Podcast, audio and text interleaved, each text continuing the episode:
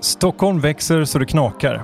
Vi måste få plats med allt som behövs för att skapa en stad där vi trivs. Men hur går det egentligen till? I podden Stockholm växer pratar jag, Fritte Fritzson, med experter från Stockholms stad om frågor som berör just dig.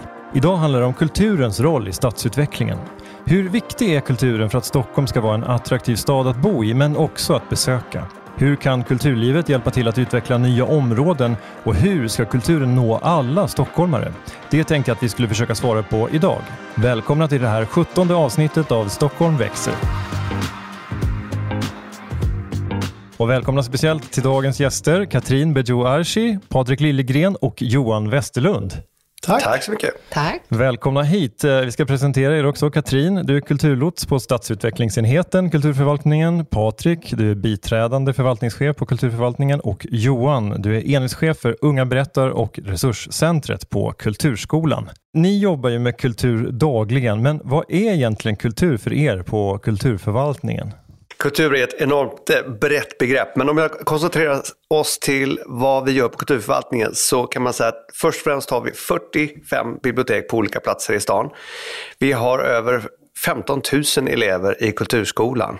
Vi har ett stadsmuseum mitt på Slussen, vi har ett medeltidsmuseum och vi har en evenemangsavdelning som gör en rad olika kulturarrangemang, bland annat Kulturfestivalen. Och sen så har vi Liljevall som både har en gammal härlig konsthall och sen så en helt nybyggd som heter Liljevalchs plus. Just det, som har blivit omdiskuterad. Jättemycket. Också, men, men många menar är otroligt vacker. Så är det med bra konst, det, det ska engagera och ja. skapa debatt. Och sen stöttar ni också kulturlivet på olika sätt, eller hur? Ja, precis. Vi fördelar mer än 200 miljoner kronor till det fria kulturlivet. Det är teatergrupper och scener och filmfestivaler och biografer runt om i hela stan varje år. Studieförbunden har en rad eh, olika stöd från oss och, och ateljéer stöttar vi på olika sätt. Så att det är en stor del av vår verksamhet. Det andra vi gör är att vi jobbar med just kultur i stadsutvecklingsfrågor. Nämligen hur tar kulturen plats när staden växer? Och det är ju det vi ska bland annat prata om idag. Ni andra, har ni några andra tankar om kulturdefinitionen eller vad kultur är för er? Ja, absolut. För oss på Kulturskolan så är delaktighet extremt viktigt och eh, just utifrån det så har vi liksom ställt den frågan till ungdomar som deltar i vår verksamhet, vad de anser att kultur är. Och eh, de har ett väldigt fint svar som jag tycker är en bra definition som jag brukar gå tillbaka till, eh, som är att kultur är ett sätt att skapa gemenskap och att det också är ett sätt att liksom uttrycka oss själva som individer. Och det eh, tycker jag är väldigt bra att gå tillbaka till just eftersom det är som Patrik säger, det är ett otroligt brett begrepp, kultur. Verkligen. Vi var inne på det med eh, kultur och stadsutvecklingen. På vilka sätt kan kulturen vara viktig för stadsutvecklingen då? tänker att jag kan ta ett exempel från oss just utifrån liksom begreppet gemenskap, att det kan vara viktigt just för att skapa en gemenskap i staden. Och eh, vi på Unga Berättar har bland annat genomfört 13 stora offentliga konstprojekt runt om i staden. Och det är framförallt i ytterstadsområden, men det senaste verket syns eh, Eh, uppfördes nyligen under Klarabergsviadukten på Kungsholmen. Och I de här projekten så får liksom barn och ungdomar som bor i området skapa egna digitala förlagor till ett stort gemensamt verk utifrån givna teman som drömmar eller minnen eller intervjuer med boende i områden, liksom vad området betyder för dem. Och ibland trycks de här stora verken, men ofta så arbetar deltagarna själva och liksom målar eller sätter upp mosaik. Och så fyller de här liksom gångtunnlar, husväggar, andra konstruktioner i staden.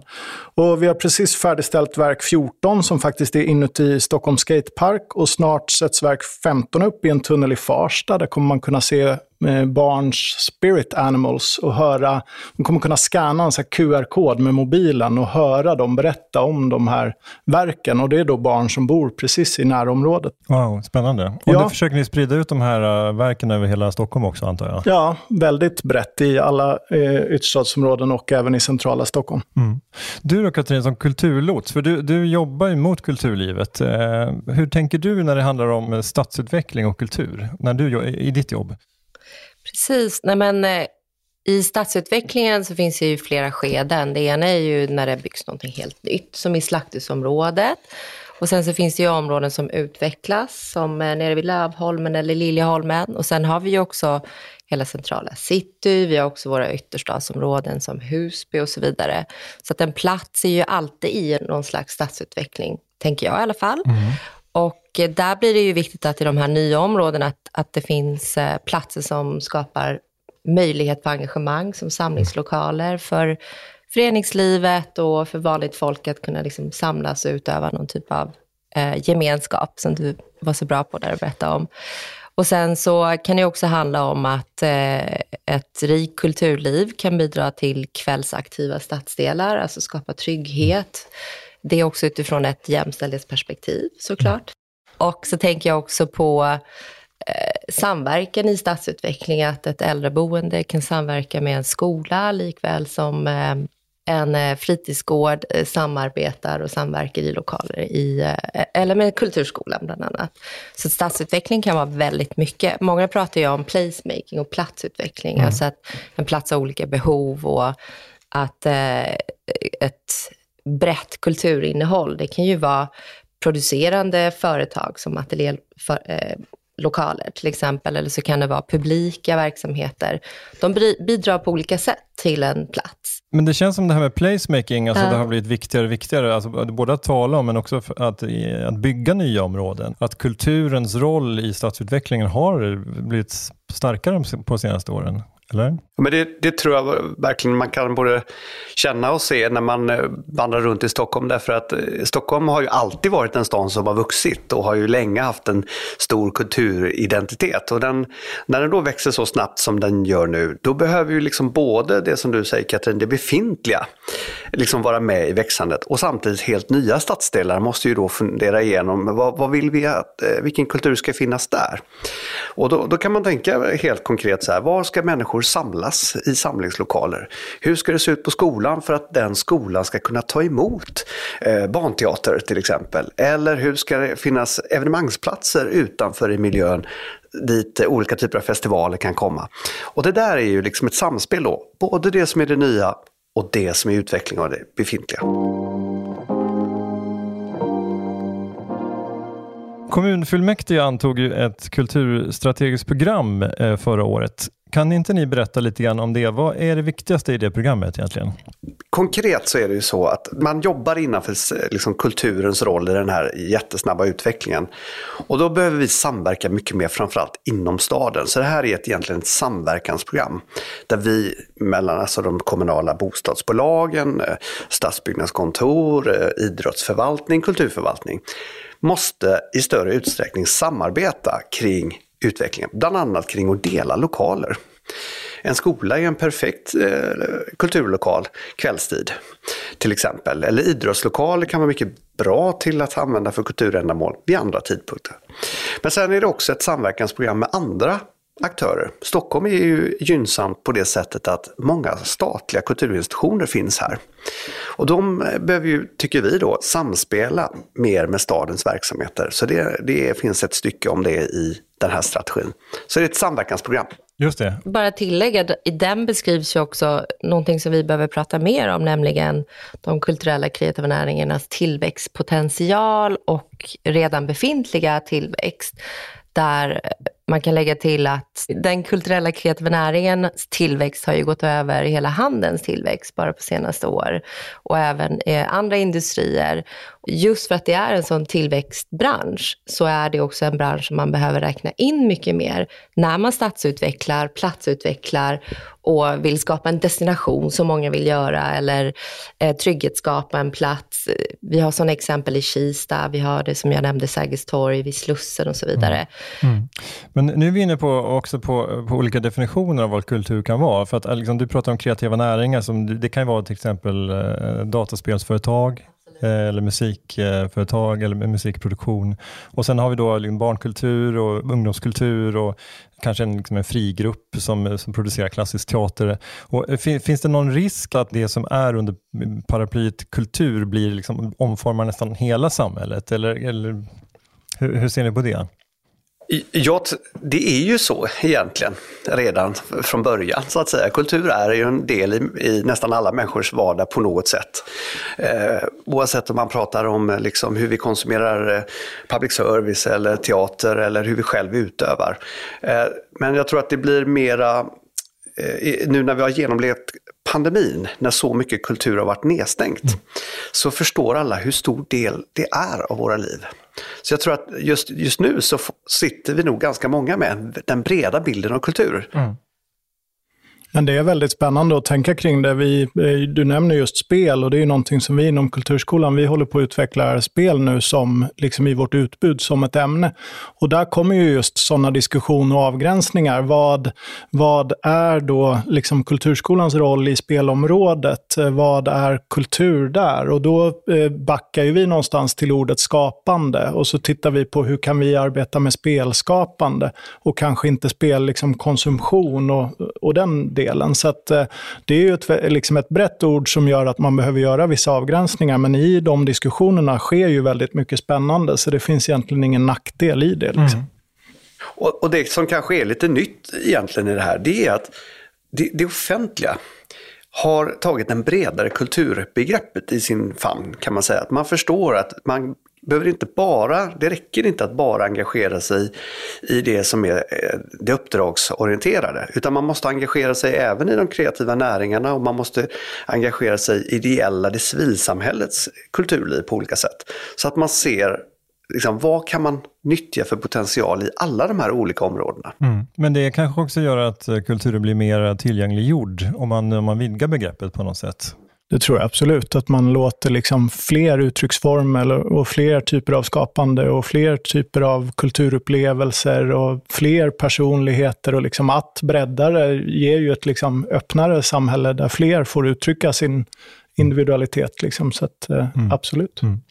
På stadens hemsida så står det att Stockholm ska vara en kulturstad i världsklass. Är vi det? Jag tänker att det är en, så här, det är en bra vision, men hade vi redan nått dit så skulle vi behöva skriva någonting annat känns det som. Men eh, jag tänker att eh, utifrån det som Patrik och Katrin berättar om det kulturstrategiska programmet, att just samverkan tror jag är en nyckel att nå dit. Något som vi på Kulturskolan ser och jobbar mer och mer med är verkligen samverkan med andra aktörer, både privata och eh, offentliga. Så att, eh, det är nog en, en bra utstakad väg, tror jag. Mm. Mm.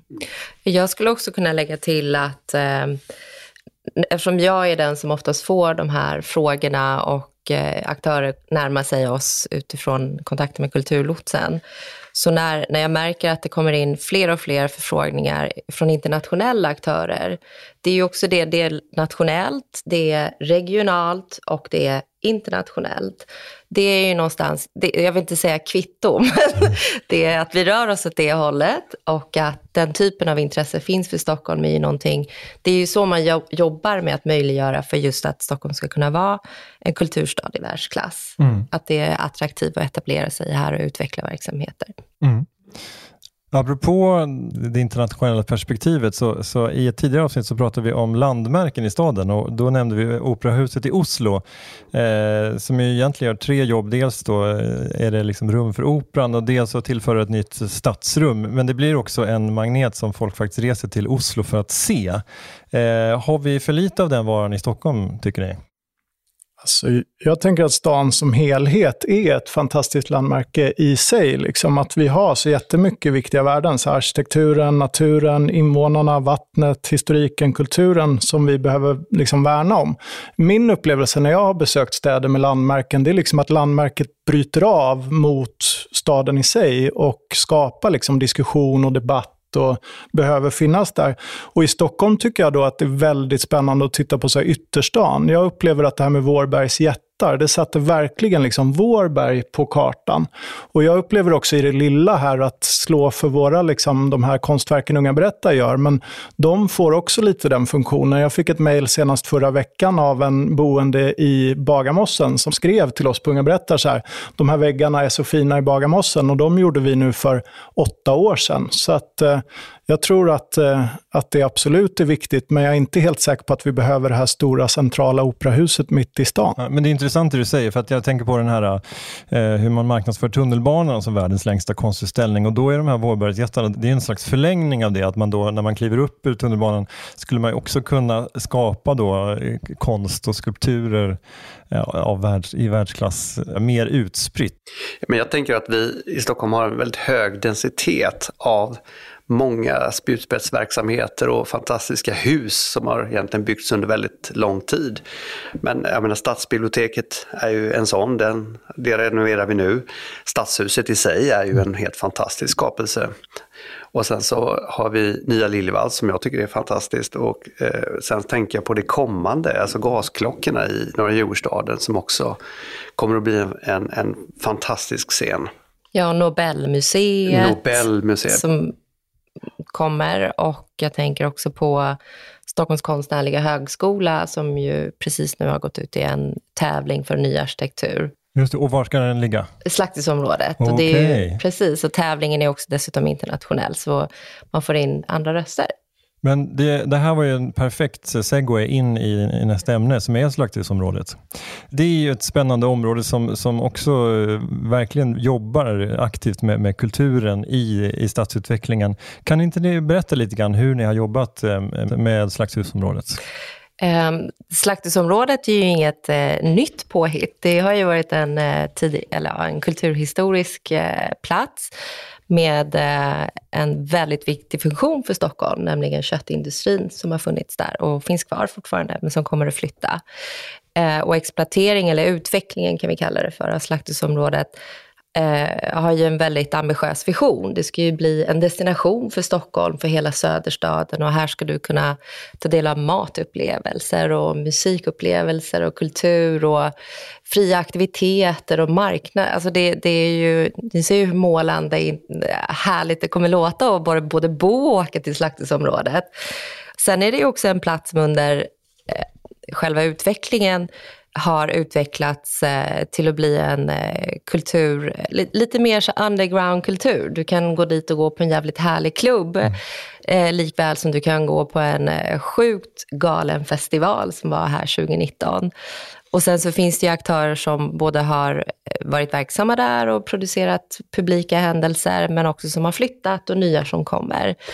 Och eh, där har vi jobbat fram ett, eh, vad ska man säga, en kulturplattform som egentligen är en strategi och inriktning. Skittråkig att läsa säkert för många. Men det den ger är ju ett eh, verktyg för utveckling och samverkan. Och det betyder att eh, staden, då, våra olika förvaltningar, det kan vara exploatering, det kan vara stadsbyggnad och vi, mm och andra, typer, andra bolag i staden med fastighetsägare och kulturnäringarna kan vara med i den här utvecklingen och mm. verkligen beskriva, ja men ska man få till områden för evenemang utomhus, och då menar jag att det bara stora musikevenemang, det kan vara en matmarknad, en yogahändelse eller liksom en barn och unga aktivitet. Mm. Då behöver vi tänka till kring hur allmänna platsen planeras här och nu, för det är nu vi sätter det, inte för det som ska hända om tio år. Det finns mycket att berätta om slakthusområdet. Mm. Just nu är vi inne i ett sånt skede där vi har olika typer av forum som vi pratar i och samarbete med fastighetsägarna och kulturaktörerna. Och tanken är att slakthusområdet ska bli en stadsdel med, med boende också ju. Ja boende, arbetande och besökande. Just det. Och ja. då du, ställer du kanske särskilda krav om det ska vara en, en levande stadsdel, både liksom klubbar, musik, eh, fotbollsmatcher, hockeymatcher, stora artister på, på Globen och sådär. Just när, när, när det ska samsas med boende, är det liksom, hur, hur tänker ni kring den frågan då? Men det är en stor logistik. För det första, som du berättar om, det kommer ju komma dit mycket folk. En arena händelse uppe i Globen kan ju ta över liksom 20 000 människor som förfestar nere i slakthusområdet som ska röra sig upp. Och sen så är, nu är vi inne i bullerfrågan antar jag att du är ute efter. Eller ljud. Möjligtvis. Möjligtvis. uh, och där gäller det ju att veta, ja, men var, var är det jag ska flytta till? Ja, men ja. det är ett område som det är inte landsbygden eller liksom... Ja. Men rent eh, juridiskt, vad, vad, finns det för möjligheter där? För jag vet ju att i Malmö har man gjort någon slags eh, bullervänlig zon på mm. Norra Eriksbergsgatan där, där man tillåter lite högre ljudvolymer. Men det, det kanske är svårt, det är enklare där för det kanske bara då är verksamheter där och inte boende. Ja men just bullerfrågan är ju lagförd, men sen behöver man ju ha med sig miljöförvaltningen som jag har tagit fram en bullerstrategi för staden och ha med dem i dialogerna med eh, de publika verksamheterna och så att man skapar den här förståelsen för vad är det som ska finnas här. Vi tog till exempel fram förra året en hypotetisk evenemangskalender. Alltså vad kan vi föreställa oss hända här från ja, i alla fall februari till december. Och där är det ju, ja, men en hel del grejer drar ju inte ljud, men en del evenemang och aktiviteter kommer att låta. Och det kan ju du jobba ganska innovativt med, liksom med byggnadsteknik idag. Hur du placerar fönster, hur du, vilka typer av fönster du lägger in i bostäderna. Um, och sen grannsamverkan, att grannarna istället för att klaga eller överklaga kan ha en dialog mm. via digitala medier till exempel med klubbägare och så vidare. Så att, och, och trygghetsskapande faktorer, polisen, så att allt det där behöver komma på plats. Mm. För det är ju en, eh, en generell eh, konfliktlinje i, i, städer. Nattliv, kvällsliv, eh, musik eh, kontra då folk som bor i stan och som har barn och ska upp tidigt och sådär. Det, det är ju ingen lättlöst ekvation generellt, så jag tänker Nej, och samtidigt så tänker jag att det, det är faktiskt något som alla städer har präglats av nästan alltid. Alltså när vi är många som samsas om att vara på samma plats då har vi olika intressen. Vi är olika, vi lever på olika tider. Och här behöver vi liksom ha en bredare förståelse för att vi, vi har valt att bo i staden där många människor trängs och samlas på, på, på samma tidpunkt. Mm. Så det, det, tycker jag behöver finnas med i den här diskussionen, att det är ingen, inte en ny fråga. Samtidigt blir vi fler och fler och då accentueras de här frågorna såklart. Mm. Jag tänker också att den här förståelsen är så viktig, att liksom förstå att de här eh, scenerna och klubbarna är liksom en scen för kulturutövande. Och liksom, om vi inte har dem så kommer vi få ett fattigt kulturliv överlag i hela landet. Om vi liksom de barn och unga som går hos oss på Kulturskolan och lär sig att utöva olika konstformer, om de inte har några scener i staden att komma ut och träna och utföra sin, eh, sitt kulturskapande på, så kommer vi tappa jättemycket viktig kultur. Och det är viktigt att man förstår den kopplingen när man väljer att bosätta sig i liksom en vibrerande, härlig kulturhuvudstad. Mm. Bra! en konstruktiv och optimistisk eh, avrundning på det ämnet. Det finns någon risk att fastighetsägare generellt sett ser kultur som ett sätt att sätta sin, eh, sitt hus på kartan men inte är intresserade av, av kulturens roll i staden i det långa loppet? Vi har ju dialog inom Unga Berätta med privata fastighetsägare att jobba med konst i deras privata rum på samma sätt som vi jobbar ute i det offentliga rummet. Att liksom få in barn och ungas uttryck i liksom, eh, entréer, trapphus, eh, liksom, eh, plank när de håller på och bygger om. Och där ser man ju så här otroligt positivt, eh, positiva gensvar. Sen kan man ju självklart liksom prata om, så här, man pratar om greenwashing, när ett företag tar miljöfrågan bara för att sälja produkter, så kan man ju säkert säkert tänka kulturwashing. Det kanske till och med finns ett eh, ord för det, eller så uppfinner vi det här. Liksom. Men dels så tror jag så här, de produkterna som vi skapar, i varje fall de verken, de sitter ju kvar under lång tid. Och min uppfattning liksom under de fyra åren som jag har varit på Kulturskolan är bara att intresset från olika privata aktörer att ta in barn och ungas eh, skapande och åsikter, det bara ökar. Så att eh, det känns långsiktigt utifrån mitt perspektiv i varje fall.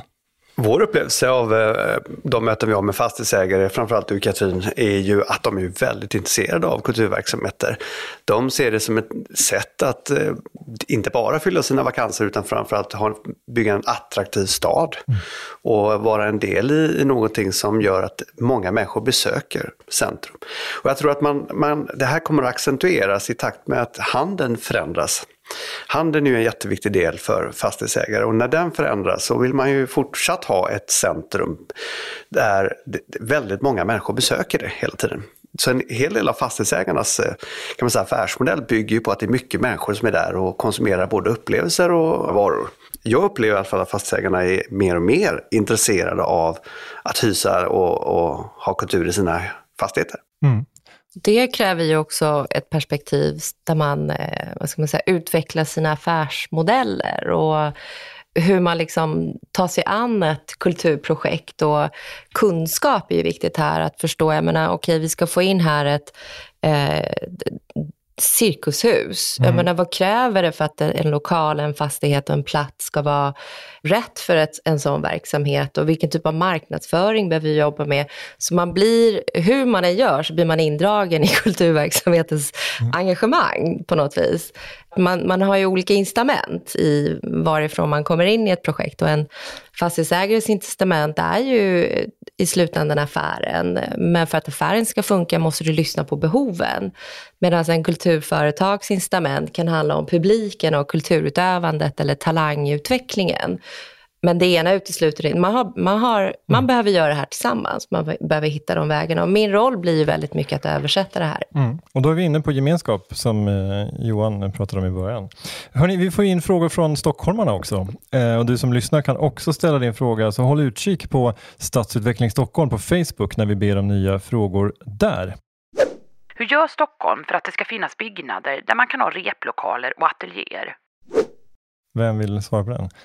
Ja, men eh, jag kan börja utifrån Kulturskolan så eh, har ju vi mycket sådana lokaler. Vi har ju musikstudior och bildlokaler över hela Stockholm och vi arbetar med att liksom tillgängliggöra dem och öppna upp dem ännu mer. Eh, och just nu så har vi extra fokus på att utveckla verksamhet på helger och lov, både genom avgiftsbelagd verksamhet men också avgiftsfritt. Och eh, här tänker jag att det är superfint att just det här är en lyssnarfråga. För jag tänkte passa på då att göra en liten shout-out. Att om du är ungdom mellan 13 och 22 år och vill driva ett eget projekt som att repa med ett band eller spela in en film eller göra en podcast. Så mejla till ungabarattar.edu.stockholm.se så kan vi absolut bidra med liksom handledning, utrustning och eh, lokaler för det. Underbart. Den här podden har aldrig varit så handlingskraftig och konkret. Ja, skönt. Vi lägger in eh, mejladressen i avsnittsbeskrivningen också. Ja, det låter jättebra. Underbart, verkligen.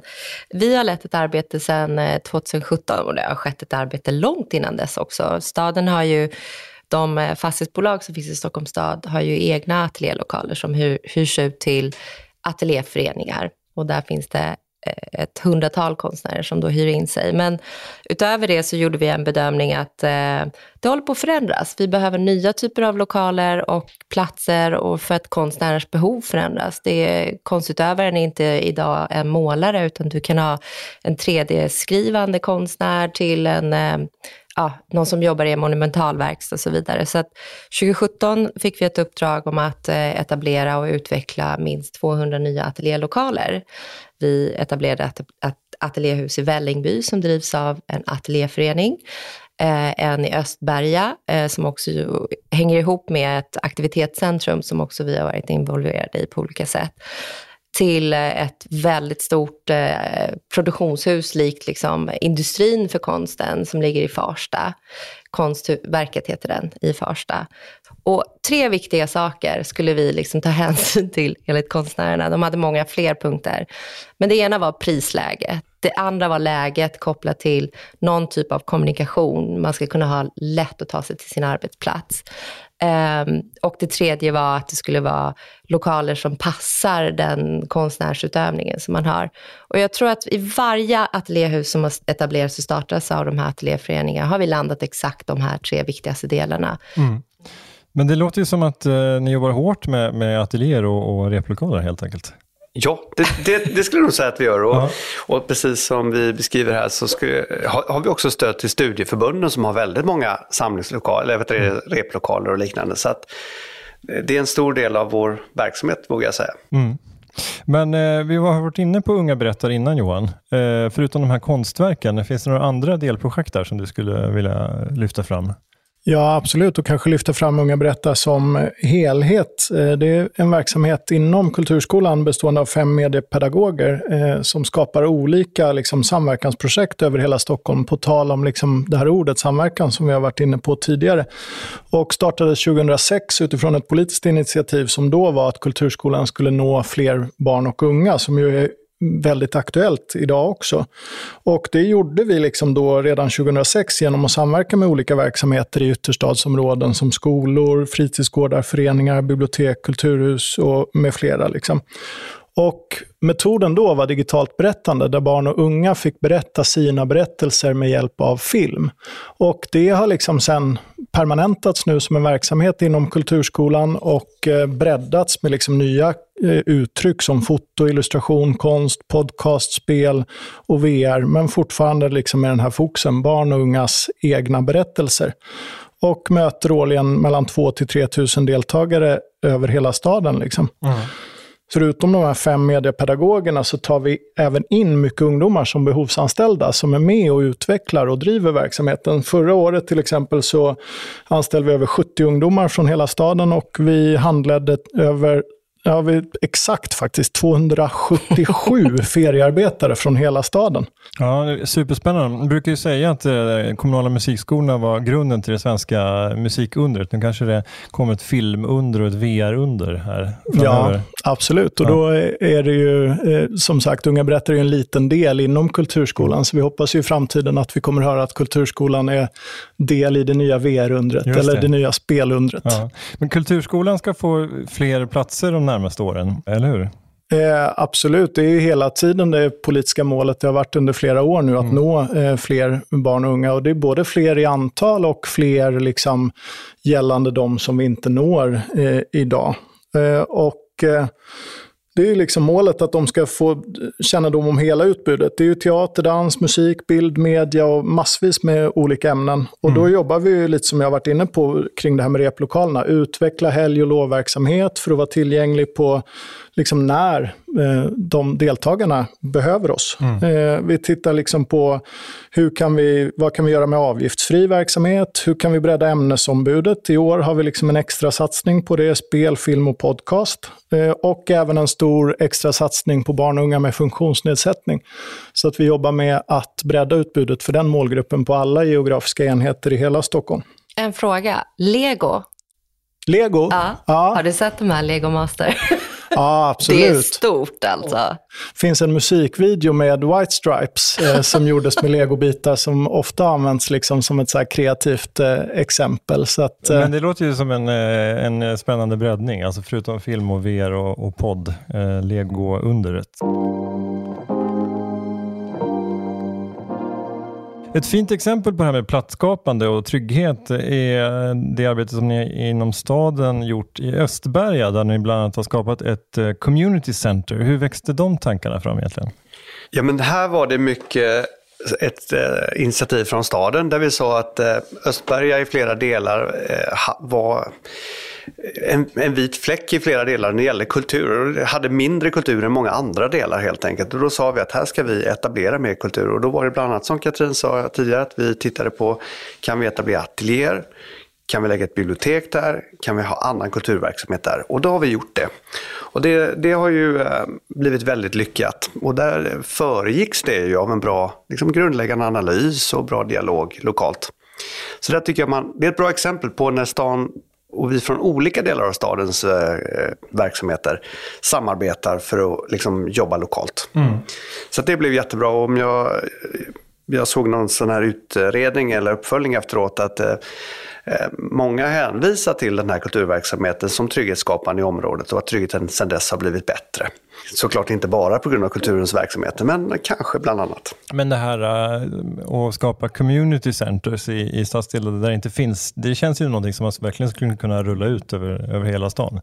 Ja, och de behöver inte alltid vara i en och samma fastighet. Community center kan ju vara ett kulturkvarter, mm. likt det som utvecklas i Husby eller... Jag tycker nog att en del i det här kulturens eh, roll i stadsutvecklingen handlar om att bygga det lokala kulturlivet som du är inne på Katrin här. Att, att se vad finns det för förutsättningar här och vad vill medborgarna där själva driva?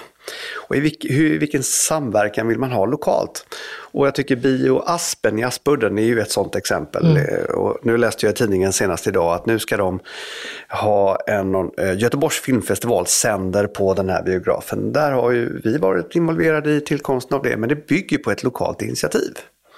Och, och det tror jag är liksom några av framgångsfaktorerna för att stärka det lokala kulturlivet. Mm. Men har eh, städer generellt och Stockholm också varit för dåliga på att liksom fånga upp de här lokala signalerna alltså innan, eh, tycker ni? Jag skulle kommentera den här frågan så här, att vi pratar ju om att eh, framtidens städer både eh, kommer att bli liksom en citykärna som ger service, men att du också har det lokala mm. perspektivet, att det lokala eh, kulturlivet, då menar jag allt. Mat, eh, våra gemensamma om, liksom, där vi hänger och våra de här kulturlokalerna och där vi arbetar. De, det, det, lokala kommer bli minst lika viktigt som det vi trodde var viktigt tidigare, nämligen att man åker till centrum och tar del av någonting. Mm. Um, och jag tror att vi kommer se mycket mer av det här. Och det den här typen av trender hänger då också ihop med fastighetsutveckling, platsutveckling, hur man liksom ligger i framkant. Och där bör man vara lyhörd, mm. likt sådana här initiativ som Aspen som dyker upp, som vi startar en ny biograf. Ändå är en av de kulturtätaste förorterna i Stockholm, där det finns så jävla lite kulturutbud. Verkligen. Men det känns som att eh, alltså på, eh, på den gamla goda tiden, när man byggde då Årsta centrum och Vällingby, då, då byggde man in kulturen mm. i de här ABC-staden, ABC ja. de här centrumbildningarna. Men när Östberga byggdes då, liksom på, ja, lite senare, 60-70-tal, då var man inte lika bra på att få in kulturen, men att vi kanske återigen då börjar förstå förstå den lokala kulturens betydelse på något sätt. Absolut. Ja, den, den tidigare liksom stadsplaneringen tog ju med kulturen väldigt mycket när man byggde ut staden och många av de här lokalerna finns ju kvar. Men däremot att hela tiden utveckla verksamheten och låta verksamheten leva med sin tid. Jag menar hur vi konsumerar film idag ser ju helt annorlunda ut än bara för 20 år sedan såklart. Så att, det, det är ju väldigt viktigt att att man som stad, eh, offentlig aktör, mm. följer med i det. Mm. Men eh, nu är vi inne på någonting med digitalisering här, att vi kan då sitta och kolla på spännande kultur hemma på HBO eller Netflix. Och en annan grej som har påverkat är ju i pandemin de senaste par åren, att vi har jobbat hemma mycket mer, vi har haft kanske mindre möjlighet och mindre lust att gå ut och konsumera kultur. Eh, hur tror ni att de här sakerna påverkar eh, kulturen framöver?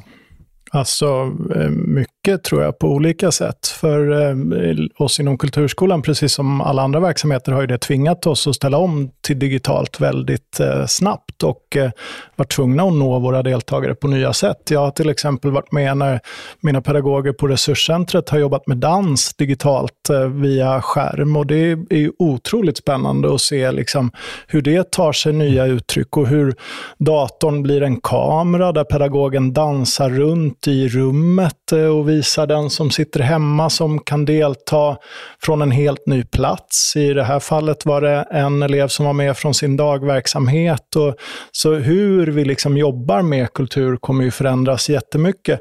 Och sen också åt andra hållet, att vi alla har ju en väldig känsla av att vi saknar det mellanmänskliga mötet i kulturen. Och det tror jag kommer göra att vi värdesätter det ännu mer och liksom ser till att nej, den här typen av aktivitet är otroligt viktig, att vi ses och är nära varandra. Medan här kan vi ta fram jättemycket nya spännande aktiviteter där vi kan ta del från andra platser, samverka med andra länder. Vi har flera eh, projekt på gång nu inom Kulturskolan där vi till exempel jobbar med en verksamhet i eh, Nairobi, Kenya, i ett område i ytterstan där som heter Korogocho, där de skapar film nere i Kenya tillsammans med eh, ungdomar från Rinkeby i Stockholm. Pandemin globaliserar oss ja, på något sätt. Absolut, men samtidigt så måste man komma ihåg att pandemin har ju varit förödande för kulturlivet. Och den är ju fortfarande det för många aktörer, framförallt de som är enskilda utövare och som normalt sett jobbar på institutionerna eh, har ju haft det oerhört tufft, privatteatrarna likaså. Så att, eh, det, och det är inte över, det Nej. måste man komma ihåg. Men staten hjälper ju till genom olika stödpaket och sådär, men vad kan ni eh, från Stockholms stad göra? Ja, men vi har ju på olika sätt också hjälpt till, både med stöd och lotsning och försöker då hela tiden eh, följa upp de verksamheter som har det som allra tuffast. Så att, eh, jag tycker vi ligger nära kulturlivet och lyssnar av hela tiden vad, vad behoven är. Mm. Slutligen då, eh, om vi ska vara lite framåtblickande, kan ni nämna någonting som ni tänker skulle göra Stockholm till en bättre kulturstad? Oj, vilken stor fråga. Ja, det finns ju mycket vatten att utveckla i Stockholm med kultur på vatten till exempel. Eller platser som man inte tänker på, mm. som platsar väl för stora evenemang och festivaler. Eh, jag tror vi kan ha en mycket mer levande stad. Och jag tänker också på att den eh, gestaltande konsten i det offentliga rummet kan ta en mycket större roll och plats också. Så att absolut kan vi göra mer. Två konkreta saker. Ja. Jag tänker på det här med liksom gemenskapen och, och vad vi som liksom alla som boende i, i Stockholms stad eh, gemensamt kan göra för att Stockholm ska bli en bättre kulturstad. Och eh, jag tror nog faktiskt att vi kan bli lite modigare och lite mindre ängsliga. Att vi kan våga vara mer nyfikna på nya kulturer, att vi kan våga låta saker låta mer, på tal om bullret, att vi kan våga låta saker synas och ta lite mer plats. Kanske själva våga testa nya kulturupplevelser och att vi tillsammans liksom hittar ännu fler platser och tillfällen där vi tillsammans skapar gemenskap genom kultur. Och här vill jag ju då slå ett extra slag för barn och unga, att vi låter dem synas och ta plats i det här arbetet. Det låter ju som en kulturstad i världsklass. Faktiskt. Absolut. Om jag ska lägga till någonting så tycker jag att vi ska använda det offentliga rummet ännu mer. Eh, dels både för evenemang men också för den offentliga konsten. Och det andra jag skulle vilja säga det är att den icke-västerländska repertoaren kan få en mycket större plats tycker jag på våra både institutioner och, och öppna scener av olika slag. Bra. Det tycker jag var fint. Då slutar vi på den globala skalan helt enkelt. Mm.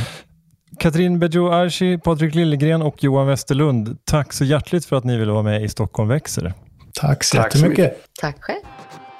Stockholm växer är en podcast producerad för Stockholms stad av Blandade budskap och Prime. Jag heter Fritte Fritzson och du hör alla avsnitten inklusive säsong 1 om du söker på Stockholm växer i din poddspelare. Tack för att du har lyssnat.